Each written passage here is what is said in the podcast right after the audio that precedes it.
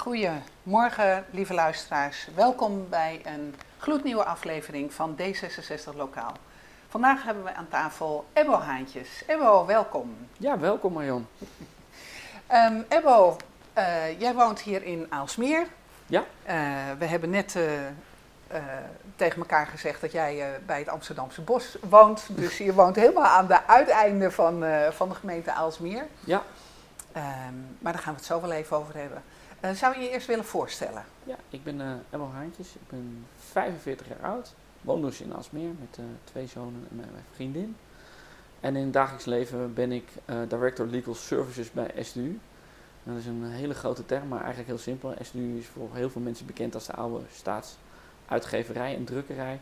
Nou, dat zijn we al lang niet meer. Wat wij vooral doen is dat wij wet en regelgeving toegankelijk en toepasbaar maken voor iedereen. Of het nou een jurist is, maar ook met iemand die werkt met gevaarlijke stoffen of iemand die in de ondernemingsraad zit. Heel goed. En um, je hebt niet altijd hier in de gemeente gewoond, hè?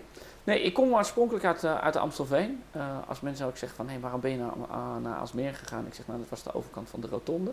dat komt er bijna wel letterlijk op neer. dus ja, ik ben eigenlijk een, Amst een import Aalsmeerder.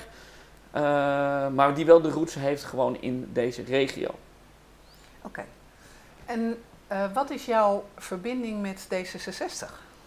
Nou ja, mijn verbinding met D66 is best wel lang. Ik ben al vanaf mijn 18e ben ik lid, dus dan kan ongeveer mensen vertellen. Dat is een tijd? Ja, dat is een hele Jeetje. lange tijd. Maar ik zeg altijd, uh, als je in de maatschappij uh, wil staan, moet je ook iets met politiek doen. Want het is een onderdeel hoe onze maatschappij wordt ingekleurd. Uh, en uh, het maakt mij ook altijd niet uit waar je je keuze wil. Ik zeg tegen iedereen ook altijd: ga stemmen. Het maakt me niet uit op wie je stemt. Uh, maar het is zo verdomde belangrijk dat we met elkaar juist die sturing geven aan het land. We hebben niet voor niks een democratie. Nee, precies. En jij gaat ook veel met jonge mensen om. Ja. jij geeft college, heb ik begrepen. Ja. ja? stimuleer je hen ook om naar de om in de politiek te gaan? Nou ja, ik Behalve stemmen? Nou, niet alleen. Ik stimuleer ze vooral om na te denken over dat het leven niet nu is, maar dat er een heel toekomstpad achter zit. En dat je vooral je niet moet focussen op dat ene ding, maar dat je vooral moet kijken van uh, uh, uh, de veranderingen, de kansen die je om je heen hebt gedaan, dat je moet pakken. En of dat nou in de politiek is, of dat je een mooie baan in het bedrijfsleven hebt, maar blijf veranderen. Uh, niets is erger dan stilstaan. Hè? Als je stilstaat kan je omvallen. Dat is een, een bekende slogan van mij die ik uh, heel veel mensen uitleg.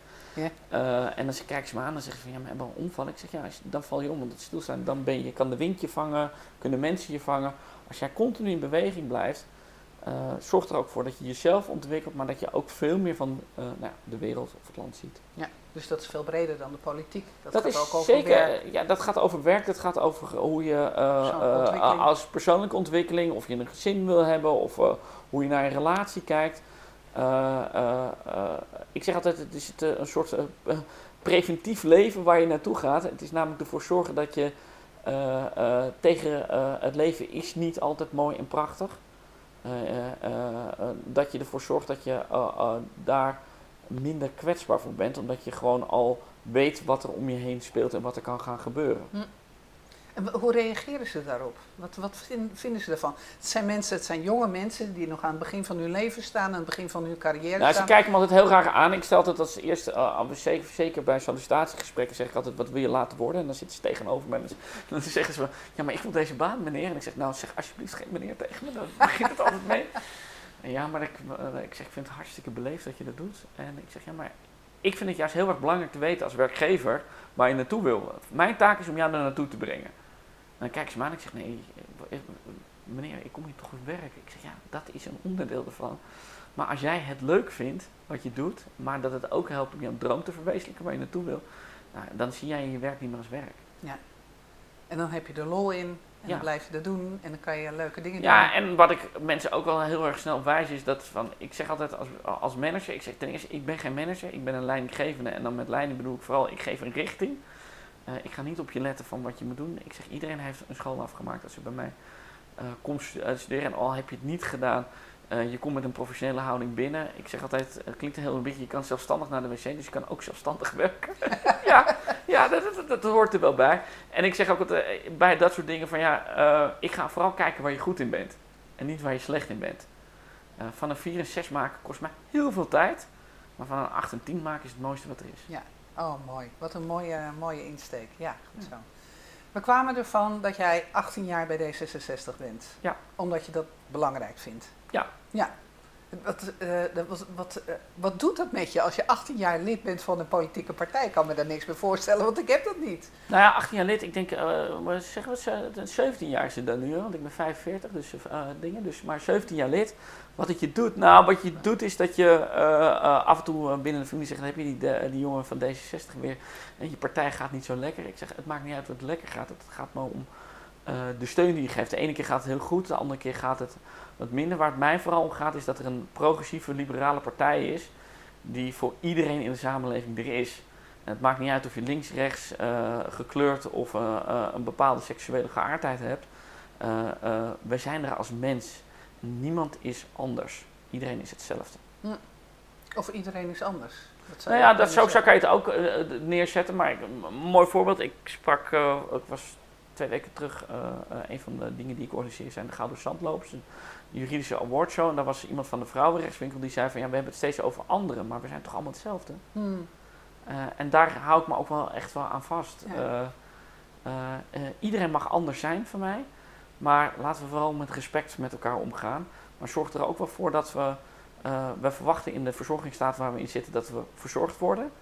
Maar zorg dan ook voor anderen. Jij hebt het vooral ook over gelijkwaardigheid. Ja. Niet dat we gelijk zijn, maar gelijkwaardigheid. Ja. Ja, oké. Ehm, je bent 18 jaar lid van, een, hè, van Ja. D66, van een politieke partij. Ben je ook actief in een politieke partij? Nee, dat is. eh, ja, ik, ik, eh, ik heb dit jaar voor het eerst geflyerd. En dat vond ik fantastisch leuk om eh, eigenlijk te doen in mijn, in mijn wandelingetje. De reden waarom ik het vooral ben gaan doen is om te volgen waar, waar- waar, staan we voor, wat, wat, wat, wat, waar gaat het beleid naartoe. Maar misschien wel leuk om te vertellen, eh, toen ik 12 was heb ik ooit eh, op mijn eh, middelbare school in Amsterdam moeten opschrijven van wat wil je laten worden. En toen ze dat bij de diploma-uitreiking naar boven haalden, was het de enige van, bij, bij wie het deels klopte. Want daar stond in, ik wil later notaris of burgemeester worden. Notaris, ik heb notarieel recht gestudeerd, dus die kant ben ik wel opgegaan. Maar ik ben er zelf ook achter gekomen, ook door ervaring te werken en tegen muren aan te lopen, dat het werk niet eh 1, 2, 3 bij mij past. Eh, maar politiek actief, ik zeg, ik sluit het nooit uit. Alleen, Hmm. eh, ik kijk elke vier jaar gewoon van wat vind ik op dat moment leuk. Mhm. Uh, waar krijg ik voldoening van? Maar ook, en dat vind ik heel erg belangrijk, is work-life balance. Dus uh, waar kan ik ook, mijn gezin staat op, op dat moment op één. En ik heb gewoon nog twee schatten van kinderen. En daar wil ik ook actief mee zijn. Hmm. Ja, dat, dat lijkt me wel, ja. ja. je kinderen zijn wel het belangrijkste, zo Nou ja, je relatie is voor mij ook heel erg belangrijk. En, uh, maar ook ervoor te zorgen dat je uh, die momenten hebt dat je, die speciaal zijn. Uh, en die creëer je vaak op momenten die niet vastgelegd zijn. Dus ik, men, men, men, men, kijkt altijd naar verjaardagen, dat het speciale dingen zijn. Ik vind dat het mooi dat het nog een jaar ouder wordt. Want er zijn, niet, ja, er zijn altijd mensen die het niet worden, zeg ik altijd. Uh, maar zoek de mooie momenten op. De, ja. de, de, en dat kunnen hele kleine dingen of hele grote dingen zijn.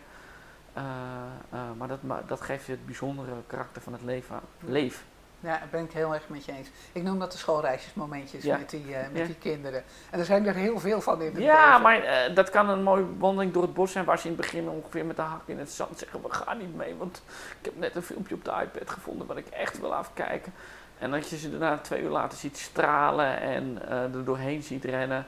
Maar ook, uh, ja, ik geniet er ook van op, op, op zaterdagochtend. Uh, ik coach het jongste team van mijn zoon. Ik kan zelf helemaal niet hockeyen. Maar ik vind het gewoon heel erg leuk om actief met hem mee te gaan. En hem die belevenis te, nou ja, te geven dat het ook leuk is dat je vader erbij staat. Ja, dat is natuurlijk ook zo. Ja.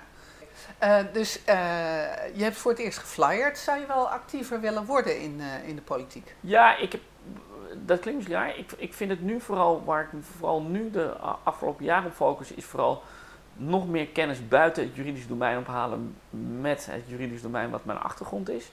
Dus ik ben heel erg betrokken in het onderwijs, bij de Hogeschool van Amsterdam bijvoorbeeld. en daardoor zie ik ook van, ja, hoe zeg je dat? Um, dat ik me wat breder wil gaan inzetten. Maar ik wil eerst die bagage hebben dat op het moment dat ik me ga inzetten, dat ik ook niet alleen vanuit het juridische domein ergens naar kijk, maar ook echt vanuit het samenlevingsdomein. Hmm, ja. En waar denk je dan bijvoorbeeld aan? Want het klinkt een beetje theoretisch. Kan je Ja, het is altijd, het, geven? ja, je wilt het concreet hebben. Eh, eh, of ik ooit burgemeester zou worden, dat weet ik niet. Maar eh, eh, ik heb jarenlang eh, bij mijn vorige werkgever heb ik ook eh, in de Eerste Kamer gezeten, maar dan aan de andere kant van het bankje als wetgevingsjurist. Oké. Eh, en eh, de Eerste Kamer is wel iets wat me aantrekt, omdat je daar juist bezig bent om te kijken dan hetgene wat besloten is in de Tweede Kamer, of dat echt past in de samenleving en of die wet en regelgeving echt goed geschreven is en of het duidelijk is voor iedereen hoe je dat eh, in werking moet gaan treden eh, als de Eerste Kamer ervoor stemt. Ja. Oh, wat spannend. Je hebt daar al gewerkt. Kan je daar Nou zo... ja, gewerkt. Ik, eh, ik heb meegeholpen aan de totstandkoming van de Flex BV. En dat betekent heel simpel dat wij eigenlijk bij elke beraadslaging zaten wij ook in, op de bankjes mee te luisteren. En in sommige gevallen te kijken of eh, hetgeen wat we gesouffleerd hadden aan de wetgevingsjuristen van het ministerie van eh, Justitie, of dat goed doorgekomen was. ze En dat ook zeiden. nou ja, wat, wat het mooie is, en dat, dat beseffen niet eh, veel mensen. Men, men denkt heel erg dat Den Haag het apparaat is wat beslist. Maar op het moment dat Den Haag iets gaat doen, gaan ze ook echt wel met de mensen uit de praktijk praten. En dat is niet alleen door middel van consultatie, maar ook gedurende het wetgevingsproces. Om met elkaar echt iets neer te zetten dat niet achteraf er een, een dinosaurus wordt neergezet waar we eigenlijk niet op zitten te wachten. Nee. En dat is ook het succes van de FlexBV op dit moment. En dat zorgt er ook voor dat heel veel bedrijven, niet alleen eh, in Nederland, een, een goed juridische rechtspersoon hebben, maar ook vanuit het buitenland naar Nederland toe komen, omdat wij het juridisch zo goed geregeld hebben. Oké, FlexBV. Het zegt mij niks. Kan je dat eens uitleggen? Eh, nou, heel simpel. We kennen sinds, eh, sinds eind, sinds 72 kennen wij het BV-recht in Nederland. Daarvoor hadden we de NV. Wij zijn eigenlijk de uitvinder van het ondernemingsrecht. Weet jij wat de, de, de eerste rechtspersoon ter wereld was? Nee, geen idee. De VOC. Oh, echt? Ja. Oh, wat grappig. Ja, dus wij zijn in Nederland zijn wij eigenlijk de uitvinder van het ondernemingsrecht. En eh, niets is zo goed om een, een goede rechtspersoon te hebben. Eh, niet alleen om eh, dat je zelf niet meteen als natuurlijk persoon verantwoordelijk bent. Hè. Dat, dat weten heel veel mensen die een eenmanszaak hebben. Dan heb je toch ook meteen dat, nou ja, als het wat minder gaat, dat ze ook meteen naar je huis kijken. Het voordeel van een BV is, is dat je, als je dat goed structureert, eh, weet ik weer, eh, eh, echt kan gaan ondernemen. En dan is niet dat je daar moet gaan witwassen, want helaas gebeurt het er ook mee, maar dat je mensen flexibiliteit kan geven van wat, wat wil je doen in zo'n BV. En waar we vroeger hadden, ah, kon iedereen een aandeel krijgen, kan je nu bijvoorbeeld ook iemand een stemrechtloos aandeel geven. En dat is heel erg prettig in familiebedrijven, waarbij je dus eh, zegt van nou, een aantal mensen zijn, ja, die hebben het vermogen om een, bedrijf goed te leiden. Maar een aantal mensen in de familie wil je wel eh, eh, het economisch belang geven, maar niet het stemrechtbelang. Nou, dat kan nu hierdoor. Eh, maar ook in bedrijfsbevolking, wat heel prettig is, is dat er iemand is die het geld er al verdiend mee heeft. de, de vader die het aan zijn zoon overdraagt. Maar die toch nog wel een klein beetje de vinger in de pap wil hebben. Nou, die geef je dus een winstrechtloos aandeel. Maar die kan nog wel meestemmen. En dat is ook prettig, want het geeft voor de continuïteit van een bedrijf. Kan dat heel goed zijn. En daarnaast hebben we een aantal drempels weggehaald. Dat je niet een hele bak kapitaal moet neerzetten voordat je een BV kan beginnen. Dus iedereen kan met die flexibiliteit omgaan. Fijn. Ja, Dat klinkt als een, eh, als een, mooie, een mooie vorm Ja. voor, eh, voor ondernemend ja Nederlands. nee, dat is zeker zo. Ja. Maar je hebt dus, eh, da- daar heb je aan meegewerkt. Ja. Of, ehm, eh, maar je hebt bij beraadslagingen van de Eerste Kamer heb je Ja. gezeten. Heb je een indruk gekregen van hoe dat apparaat werkt? Ja, ik, eh, wat het mooie ervan is, is dat eigenlijk eh, eh, iedereen mag zijn zegje doen. Maar waarvan, wat, wat, waarbij ze bij de Tweede Kamer toch wel heel erg wetgeving technisch op elke punt en komma. Misschien, ik denk niet dat iedereen het weet, maar in de Tweede Kamer kan je nog heel veel aan de wet veranderen. In de Eerste Kamer kan dat eigenlijk niet. Ja, dan kan je wat nou kennelijke misslagen eruit halen, maar meer mag ook eigenlijk niet, want de wet staat vast. Het is meer de uitleg hoe, gaan we het in, eh, hoe gaat het toegepast worden straks in de maatschappij. En daarom zitten er ook, zijn er vertegenwoordigd in de Eerste Kamer vooral heel veel mensen die vanuit de maatschappij ook nog met de wortels in de maatschappij zitten. Of het nou ehm, eh, mensen zijn eh, die wetenschappers zijn, of die bij grote bedrijven werken, of eh, die een groot maatschappelijk belang vertegenwoordigen. Eh, die zorgen ervoor of het, eh, nou, die toetsen de wet of het ook past in, eh, in, in Nederland zoals we dat willen hebben, waar Mhm. Nederland voor staat. En dat is het mooie wat ik daar voor, voorbij zag komen, is dat we echt vanuit concrete voorbeelden werd gekeken. Gaat zo'n wet nou straks ook echt werken? In plaats van dat we straks weer, ja, eh, eh, de overheid wordt toch wel snel een stempel erop gezet dat het eh, een bepaalde regeldruk oplegt. En eigenlijk waar we veel meer naartoe gaan, en dat vind ik wel het mooie, is dat we veel meer naar een lastenvermindering qua regels naartoe moeten gaan. Oh, wat bijzonder. Ja. Ja. Nou, dat mocht ook uiteindelijk wel, want iedereen die, die met regels in aanraking komt, die komt met zo'n rijstebereid berg aan dingen. Als je geen Nou ja, jurist bent, dan heb je het zwaar hoor. Dat ook, maar dat heeft ook te mee, mee te maken dat, en niet de nadelen voor de jurist, want het is mijn beroep, eh, ehm, daar word je in getraind. Hè? Wij, kijken naar, eh, wij zijn altijd bezig om alle uitzonderingen te definiëren, in plaats van eh, het makkelijker te maken voor degene die ermee moet werken. Ja. En dat zie je nu in het onderwijs veranderen. Ik ben zelf dan betrokken bij de HBO-rechten. En waarbij ze veel meer bezig zijn vanuit een eh, preventive way of thinking. Dus hoe kan je preventief juridisch iets neerzetten? Dus dat je dus niet een juridisch geschil krijgt, maar hoe kan je het oplossen? Of hoe maak je het makkelijker dat mensen mondiger juridisch worden? En als je dat al maakt, dan gaat ook de andere kant, dus die is veel beter begrijpen dat hetgene wat hij neerzet, dat hij dat op een andere manier moet neerzetten. Eh, een voorbeeld is eh, legal design, wat nu heel erg populair is op dit moment, is dat eh, ja, een tekst zegt veel, maar een plaatje zegt veel meer. Ja. En een van de dingen die, die ik kent is een arbeidsovereenkomst die ze dus in plaatjes hebben gemaakt voor de minder geletterden. Waardoor ze, waardoor ze dus heel snel begrepen van heel simpel van ik moet om 8 uur, de werktijd is van eh 8 uur s morgens tot eh 5 uur s middags. Als je dat in schrift neerzet, je kan het ook in een klok neerzetten, dan begrijpt men meteen van hé, hey, daar heb ik het over. Ah, ja. Ja, ja, ja, ja. En wat werkkleding is en hoe het eh, moet, eh, eh, neergezet moet worden. En, nou en dat zie je ook veel meer dat het visualiseren van bepaalde dingen, stappen voor ja, iedereen veel prettiger. Je ziet het in de rechtspraak, hè, dat we vroeger zulke dikke processtukken hadden.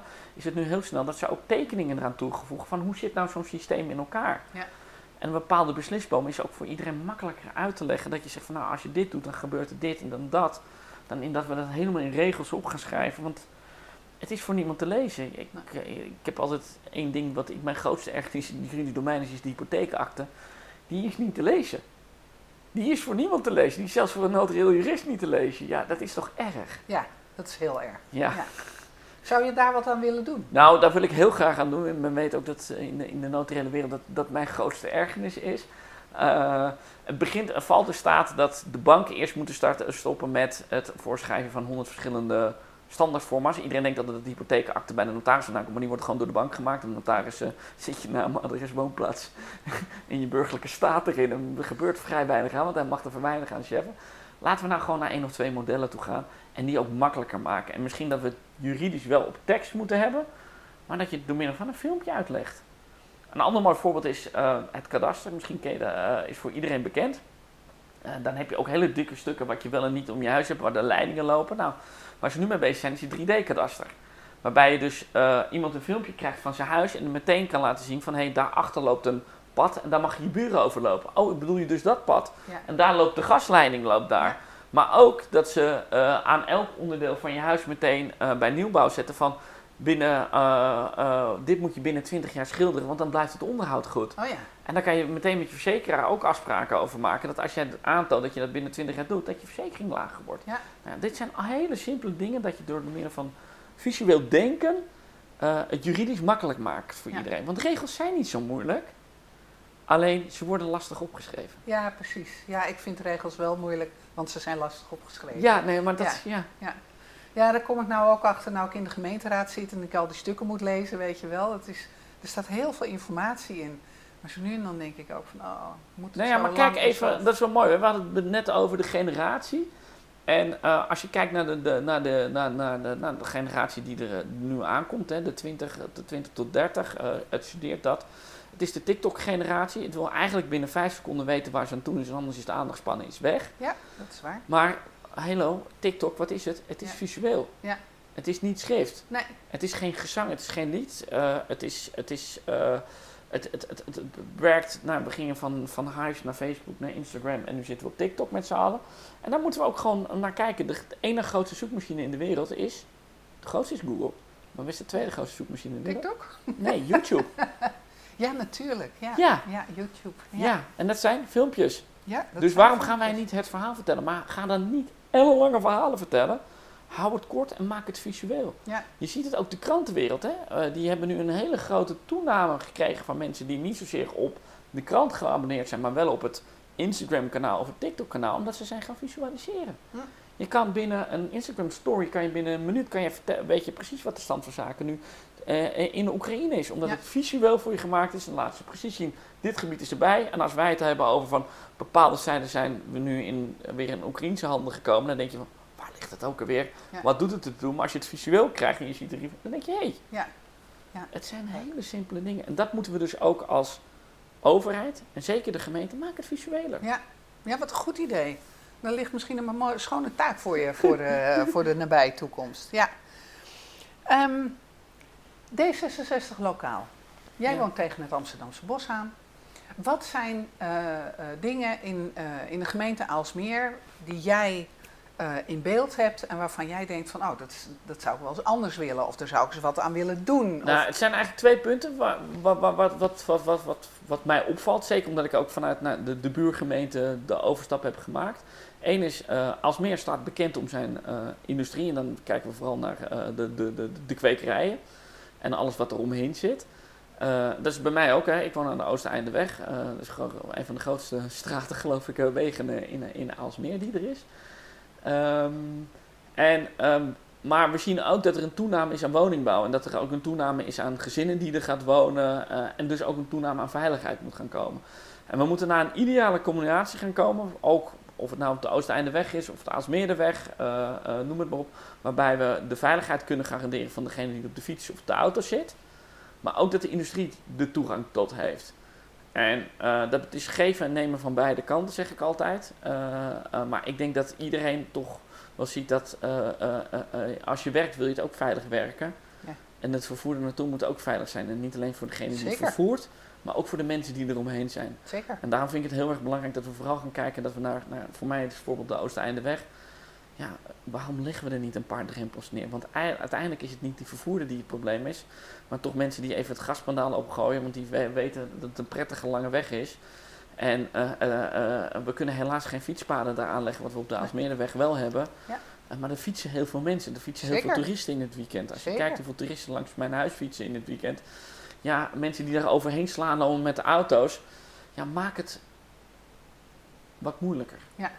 Ja. En dat moeilijker, waarom, waarom moet er een mensenleven of een mensenongeluk eh, voortkomen voordat we dat gaan Voordat doen? we dat gaan doen. En Ja. dat heeft er ook mee te maken dat het ook dan de, manier, en dat staat ook in de, na, na- na- de hele bestemmingsplan voor de Oosteindeweg en voor dat gedeelte, het is een leefgedeelte. En als Ja. er geleefd moet worden, we hoeven niet zo snel te rijden. Waarom eh, moeten we die snelheid hebben? Ja.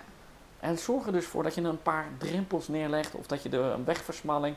We hebben het bij de, bij de kerkweg hebben het ook, is het ook keurig gedaan dat daar geen, eh, weet ik weer, vrachtverkeer, dat heeft ook helemaal geen bestemmingsgedeelte ervoor. Oosteindeweg zitten een paar hele mooie bedrijven, die moeten er ook vooral blijven zitten. Maar laten we wel met elkaar ervoor zorgen dat we eh, die snelheid, er is ook vanuit milieuaspecten, zeg Ja. ik altijd. Ja, Waarom zeker. moeten we het? Die ene minuut sneller, dat helpt, helpt niet. Nee, heel Nou, goed. het andere punt is milieu. En dat is wat ik denk dat de gemeente vooral nog meer moet gaan stimuleren. Eh, wat ik zag in Amstelveen is dat ze daar echt eh, eh, een speerpunt van hebben gemaakt.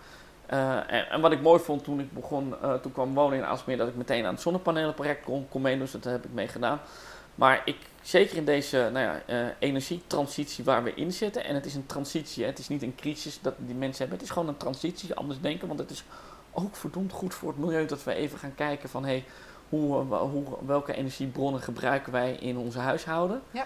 Eh, En hoe als- kan het minder? hoe kan het minder en hoe kan je ook gebruik maken van de middelen die je om hebt? We hebben zon, we hebben water. Eh, nou, een mooi voorbeeld is zorg ervoor dat we zoveel mogelijk regentonnen gaan gebruiken. Ja. Eh, eh, we zitten met waterschaarste, eh, weet ik, we, we, we hebben ook de kwekerijen bij ons om ons heen gigantisch last van. Ja, laten we dan met- met elkaar, dus niet alleen het bedrijfsleven, maar ook de huishoudens gestimuleerd worden om daar wat aan te doen. En daar moet echt de gemeente aan helpen, omdat je daar dus ook niet alleen eh, eh, eh, oh, weet ik weer, het milieu mee, hebt, mee helpt, maar ook mensen bewust mee maakt van hey, het bestaan op aarde is ook dat we ervoor moeten zorgen dat de aarde blijft bestaan. Alsjeblieft. Ja. Ja. En safe voor, onze, voor de volgende generatie. Ja, voor onze maar niet alleen voor, maar ook voor deze generatie. We Ja. blijven allemaal langer leven. We blijven Dat is waar. We hebben het allemaal nodig. En het is wat iedereen vindt het prettig klinkt rijden. Je beseft het zelfs niet maar. Nou, ik was dit jaar op vakantie in de Dolomieten. Als je dan lekker door die frisse lucht heen loopt, in de bergen, je ziet een kabbend beekje. En dan kom je bij en dan denk je bij jezelf. Maar ik heb het ook als ik in mijn tuin eh, op de, op de Oosteindeweg sta aan de achterkant. eh, eh, op die dijk. En dan is het ook rustig. En dan denk je rustig, zit Schiphol. Nou, ik heb het voor dat de vliegbanen echt links en rechts omheen. En dat het niet bij mij eroverheen komt. Eh, maar dan heb je ook de rust, maar ook de natuur, de vogels, de bijen. We hebben allemaal het nodig. Ja. Dus laten we dat vooral eh, stimuleren. Dus laten we zorgen dat het mogelijk is dat er van die hele mooie, nou, van die mosdaken kunnen zijn in de nieuwbouwwijken. Ja. Eh, zorg ervoor dat als er gebouwd wordt, dat het meteen milieuvriendelijk is en dat het ook mogelijk is. Maar zorg er ook voor, want dat is ook een van de grote problemen die we op dit moment hebben. We, gaan nu, eh, we zijn op de Oosteinde weg, wordt deels opengelegd. Hè? Dat er straks meteen die voorzieningen worden aangelegd, dat we allemaal zonnepanelen kunnen eh, hebben. Dat we Ja. dus niet straks een overbelasting van het netwerk hebben als we eh, ermee bezig zijn. Ja. En dan moet je weer de straat openhalen en dan moet Ja. je alsnog de bekabeling aanleggen. Ja. Ja, de dingen bij elkaar ha- harken. Ja. Nou, maar een ander ding is de Oosteindeweg, eh, de dijk, de Schinkeldijk, weet ik weer, moet straks verhoogd worden. Er gaan heel veel bomen weg, want we hebben het plan gezien met z'n allen. Daar schrokken we ook wel heel erg van. Maar zorg ook weer dat het terugkomt. Ja, dat, was wel, dat is wel het idee. Hè? Er is een mooi bomenplan en wat er weggaat, dat komt weer terug. En er komt meer terug. Ja, Dus maar dat, het is eh, het, het- voor de, ik denk voor de Aalsmeerderen, die weten als je over de Oosteindeweg, zeker aan het einde, hangen er een paar hele mooie bomen over de weg heen. En die toch ook een bepaalde karakteristiciteit geven aan de weg zelf. Zeker. Ja, en dat is dan, eh kijk ernaar. Maar op het moment dat je dus mee bezig bent met die weg, gaan we dus niet alleen denken aan versteviging, maar we denken meteen, hoe kan je het meteen verkeersveiliger maken? Ja.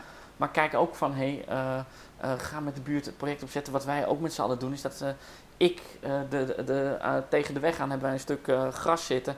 Die maai ik nooit. Nee. Waarom doe ik dit niet? Omdat het gigantisch ideaal is voor de bloemetjes, de, de bijtjes, nee, maar ook het, de kleine diertjes die er doorheen lopen. Laat het lekker zitten. Ja.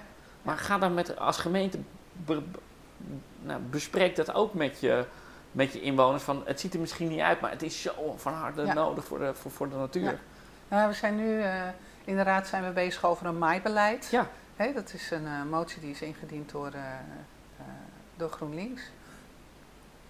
Dus, dus dat heeft wel de, de aandacht eh, van En de dit raad. zijn, he- wel- dit zijn hele kleine dingen. Ja. Maar waardoor je wel met mensen beseft, we moeten dus ook, en dat is als, wat ik vooral bij gemeentepolitiek zeg, ga niet, probeer niet in één keer de mammoetanker om te draaien. Doe het in Nee, maar er zijn natuurlijk toch al wel initiatieven, want hier in Kudelstaart gebeurt het wel, hè? Ja, Er wordt een meter gemaaid, voor de rest gebeurt er niks. Dus er staan zulke hoge klissen. Dus mijn hond die komt iedere keer, komt die, ben ik een half uur bezig met al die Ja. klitten uit zijn, eh, uit, zijn, eh, uit, zijn oren te halen. Dus ja, dan denk ik, ja, dat... Nee, maar het kan. nou, maar dit zijn, dit zijn voorbeelden. Maar wat het vooral is, eh eh eh, proberen als gemeente echt na te denken hoe kun je het stimuleren. Eh stimuleren het bedrijfsleven ook, helpen ook als gemeente daarin mee. Hè? Want het is vooral dat, eh, weet ik weer, eh, je bepaalde plichten vanuit de gemeente richting het bedrijfsleven, maar die worden ook vooral vanuit de overheid met bepaalde normen gestuurd. En dan bedoel ik de centrale overheid Ja. daarin. Maar probeer het, laat, laten wij nou gewoon de groenste industriestad van Nederland zijn. Ja. En Ja. dus industrie is niet erg, hè? Nou ja, dat, dat kan natuurlijk niet, hè? Want sierteelt kost zo ongelooflijk veel energie. energie. En waarvoor, weet je wel? Ja, Het is echt... Dat snap ik, maar het is ook de, de, de, de, de heritage of Aalsmeer. Ja, dat is Eh, waar. eh, en eh, daar mag je mee trots mee zijn. En ik zie toch, als je erover nadenkt en je zet een stip op de horizon van... Hey, ja, we houden siertaat, maar het moet innovatief en milieuvriendelijk zijn. Dan is er echt wel die weg te vinden. Ja, en dat is natuurlijk wel mooi, want doordat, juist doordat het natuurlijk zo ontzettend energievretend is, Ja. zijn ze al, wordt er al heel veel geïnnoveerd en worden er al heel veel allerlei technieken ontwikkeld die ook weer elders gebruikt kunnen worden. Nou, dat, En, eh, helaas, elk nadeel heeft een voordeel, zei Cruijff altijd. En het nadeel is dat we geen gas hebben. En dan krijg je het voordeel dat je erover gaat nadenken. Wat, hoe moet je het omzetten? En Wat dan we vroeger, eh weet ik weer, eh, de kas op een hele milieuonvriendelijke manier werden verwarmd. Zijn we daar, hebben we daar al stappen in gemaakt. Maar dat moet nog veel meer. Ja. En ik denk ook dat wij als consument ook veel meer weer eens moeten gaan nadenken. Waar zit nou die werkelijke behoefte aan? Hebben wij een werkelijke behoefte? En dan heb ik het eh, bijvoorbeeld, wij hebben kunnen nu het hele jaar door bepaalde groenten krijgen dan dat het vroeger was. En Zelfs in, toen ik als jong kind eh, er nog was, dat je gewoon bepaalde dingen niet had in een seizoen. Hoera, het wordt weer herfst, we krijgen weer stoofpeertjes Ja. of zo, weet je dat? Ja. ja. Ja.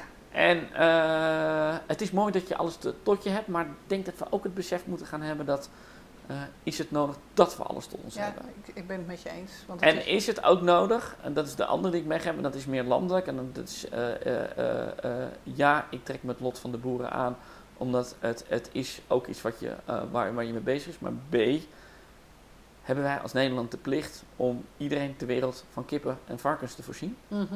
Nee. Ik denk het niet. We En- zijn de grootste, de grootste vleesexporteur na de Verenigde Staten. Hè? Ja, en dat is, daar kan je dus ook naar over na gaan denken van, hé, hoe kunnen we dat op een andere manier neerzetten? Eh, we hoeven niet. Elke, 40 jaar terug was het niet gebruikelijk dat je elke dag vlees, eh, of eh, of dat je vlees op je brood, of op brood of, Op je of bord op had. je bord had. Ja. Dus laten we dat besef ook omzetten Ja. dat, dat het niet nodig is. En het is eigenlijk ook nog gezonder voor je.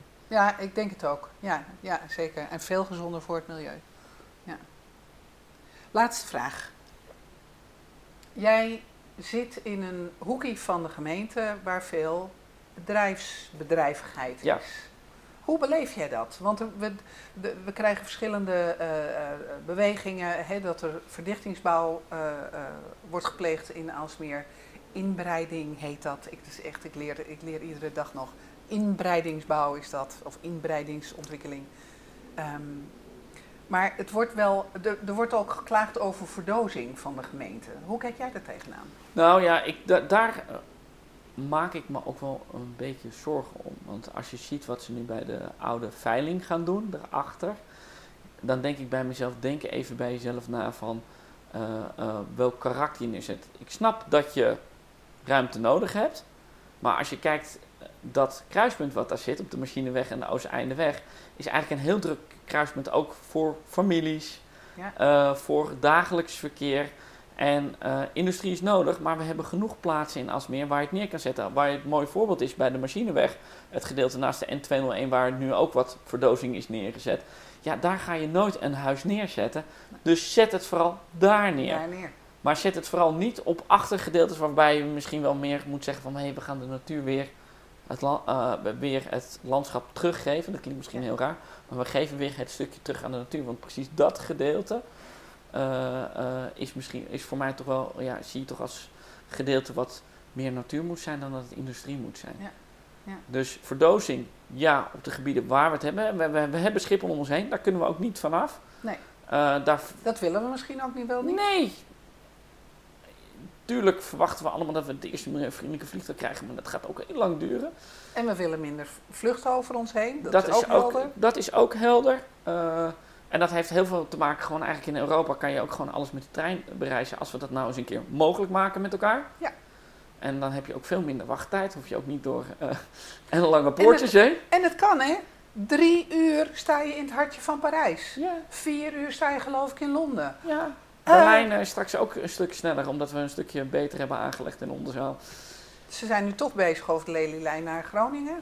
Nee, dus dat. Eh, maar die verdozing, ja, die heb je nodig. Je hebt de industrie. Wel als je het neerzet, meteen zonnepanelen op het dak, warmtepompvoorziening. Eh, dus dat is harde ijs om die verdozing neer te zetten, zou ik maar bijna Ja, zeggen. Zeker. Eh, en dus zelf energie-neutraal voorzienend zijn. Maar doe dat alleen op de gebieden waarvan echt, waarvan je denkt van hé, hey, hier wil je niet wonen.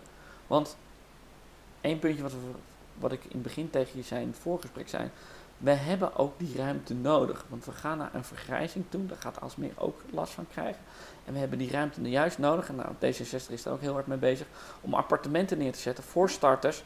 Want die starters, denk je van ja, waarom heb je die starters nodig? We hebben nu dat 1 op de 6 mensen werkt in de zorg. Mhm. Over 10 jaar is de voorspelling 1 op de 4. Ja. En die zorg kunnen we niet alleen maar vanuit de Randstad pakken. Nee. Dus die hoeven we niet, moet je niet in een verzorgingshuis in Amsterdam neerzetten. Dat moet ook gewoon in Aalsmeer. Dat moet gewoon in je eigen huis kunnen. Ja. Maar dan moet je juist die mensen die dat- die de zorg kunnen gaan bieden aan jou, moet je ook de mogelijkheid bieden om in die gebuurte te wonen. Waardoor je echt eh, ook weer ja, de, eh, de samenleving voortzet. Ja. In plaats van dat je een, een vergrijsd gebied neerzet. Mooi. Eh, dus daar zou ik bijna zeggen van... Zet juist op die momenten eh, waar we nu dat, die mooie blokkendoos bij de veiling willen gaan neerzetten. Zet daar meer, kijk meer naar van nou, laag appartementen of kijk naar hoe je nou, het, het tweede Oosteinde, hoe we dat ook goed neer kunnen zetten. En dat het niet Ja. een uitvluchtig gebied wordt voor iedereen die de volgende stap naar een duurder huis wil neer gaan zetten. Maar juist ook de jongere generatie de kans Ja, je, geven. moet, je moet de doorstroming hebben, Ja. hè? want eh, op het moment dat de oudjes blijven zitten, dan, dan blijft dat alleen maar... de- Nou ja, en ik denk ook voor de, voor de, voor, voor de oudjes eh, eh, zou het zijn, die, die vinden het straks ook helemaal niet erg om van een vrijstaand huis naar een mooi appartement te gaan, gelijkvloers, waarbij ook alle voorzieningen, waarbij ook het huis nieuw is, dus ook weer energie-neutraal gebouwd is. Eh, lekker eh, de vloerverwarming, maar ook de koeling, want dat kan gewoon, want dat kan allemaal Ja. energie-neutraal geregeld voor je zijn. Maar ook waar de toegankelijkheid is voor die diensten die je nodig hebt om een fantastisch mooi eh, pensioen te hebben en een mooi ja, leven te hebben na het werkende bestaan. Ik zou zeggen, daar sluiten we lekker mee af. Dankjewel.